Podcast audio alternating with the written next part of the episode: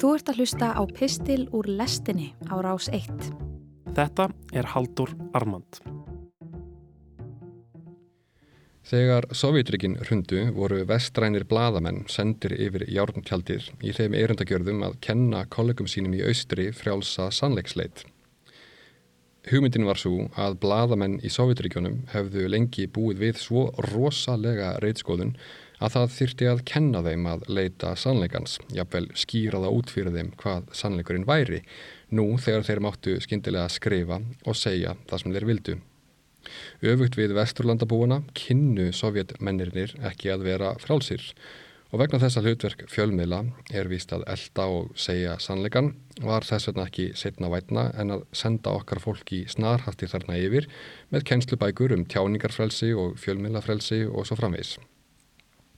Einhverju bentu á að þetta væri kannski ekki alveg svona einfalt. Þótt sovjaskir bladamenn hefðu þurft að fylgja ströngum fyrirmælum frá yfirstjórn kommunistaflokksins um það hvað mátti og mátti ekki segja Þýtti það kannski ekki beinlinis að þeir og almenningur allur í Sovjetiríkjónum sálugu vissu ekki hvað fráls fjölmjölun væri. Þvert á móti hlýtti það kannski einmitt að þeir áttuðu sig fullkomlega á því, jafnvel talsvert betur en almenningur á Vesturlöndum sem trúði svo heitt á sitt eigið frelsi og held í þá barnatrú að fjölmiðlar þar væru frjálsir og nýttu þetta frelsi til að standa vörðum líðræðið hlutverk sem við nánari skoðun held ekki alltaf vatni, jafnvel bara alls ekki og þvert á móti.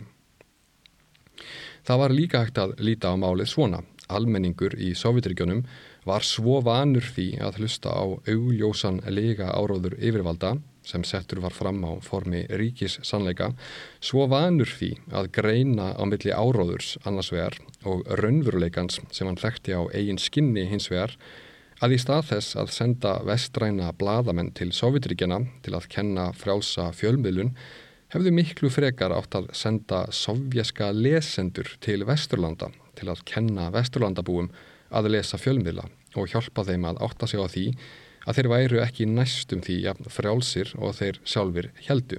Áróðurinn sem þeir sættu af hálfu yfirvalda og stórfyrirtækja væri engu minni en sá sem ástundadur var í Sovjetríkjónum hann var bara ekki ja, fáránlega augljós. Nú hefur verið settur á laggir svo nefndur vinnuhópur á vegum þjóðaröryggisráðs um upplýsingaóreiðu og COVID-19 veruna. Vinnuhópur þessi hefur það á sinni verkáætlun að kannakvort rángar upplýsingar um veiruna hafi verið breyttar út til almennings og jáframt stuðla að vitundarvakningu og ebla almenna aðgátt gagvart upplýsingum um COVID-19. Það á með öðrum orðum að kenna almenningi að átta sig á sannleikanum. Hvergi kemur almennilega fram hvað þessi upplýsingaóreiða er nákvæmlega eða hvort hún hafi til þessa verið eitthvert samfélagsmein á Íslandi. Þá hafa stjórnvöld að því veriðist aldrei verið spurð úr hvaða jarðvegi þetta batteri er eiginlega sprottir, hver bjóða til og hver samþýtti þetta. Á VF stjórnaráðsins er aðeins að finna almennar lýsingar á því að hægt sé að nota internetir til þess að dreifa raungum upplýsingum og að misvísandi upplýsingar séu af þessum sögum orðnar að alþjóðlegu vandamáli. Þessi nýji vinnuhópur er sem sagt viðbrað við þessu nýja vandamáli. Það kemur ekki óvart að yfirlýst markmið þessa nýja sannleikshóps sé að stuðlað líðheilsu og einhverju sem kallað er heilbreyðis öryggi. Líðheilsa hefur tekið við sem upplugasta stjórntækið á Vesturlundum og er raugreitt framhald af þeirri þróun sem hefur átt til stað alla þessa öld frá árasunum á týpuraturnana. Sífælt er vegið meira og meira að réttindum almennings undir því yfirskinni að verið sé að tryggja öryggi hans. Í samfélögum sem eru að nafninu til frjáls eiga stjórnvöld erfiðara með að stýra lífsháttum vennilegra borgara með beitni valdbeitingu Þeir hafa alls konar réttindi sem þvælast fyrir ofríkinu og þess vegna skiptir öllu máli í slíkum samfélögum að stýra viðhorfum fólks. Og einfaldasta leiðin til að stýra viðhorfum fólks og þannig lífsáttum þess er að gera það rætt. Það gefur auga leið. Þess vegna hafa valdhafar um víða veröld notað myndlíkingar um hernað til þess að tjá sig um veruna. Og það virka líka. COVID-pláan sínur okkur með ótvíræðum hætti hversu reyðubúið fólk er til þess að bókstallega fleia frá sér grundvallar réttindum ef það telur öryggi sínu ógnað. Hér er ekki ætlunin að gera lítið úr hættunni vegna verunar en þetta ætti engu að síður að vera viti til varnaðar.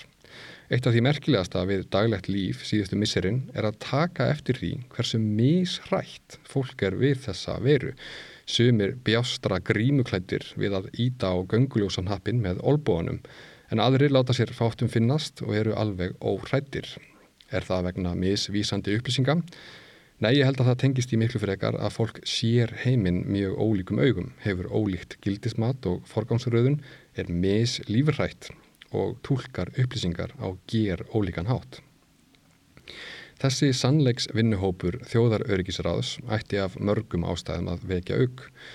Í fyrsta lagi er þetta einkennlegt skref vegna þess að ef það er eitthvað sem slám á föstu um veruna þá er það að upplýsingar um hana frá stjórnvöldum um víðaveröld hafa verið æði misjafnar, óáreiðanlegar og oft þversagnakendar. Það sem fyrst og fremst virist raunverulega vitað um þessa veru er að margt í eðli hennar er ennþá á huldu. Í öðru lagi er svo vitaskult framundan meiri hátar umræða um það hvort þessar harkalegu aðgerðir á Vesturlandum sem fólu í sér að taka upp frelsisskerðingar að hætti kínverska kommunistaflokksins sem og svo ákverðun að bókstaflega styrta öllu hagkerfinu ofan í klósettið og gera annarkvæmt mann atvinnuleysan hafi verið skinsamleg viðbröð.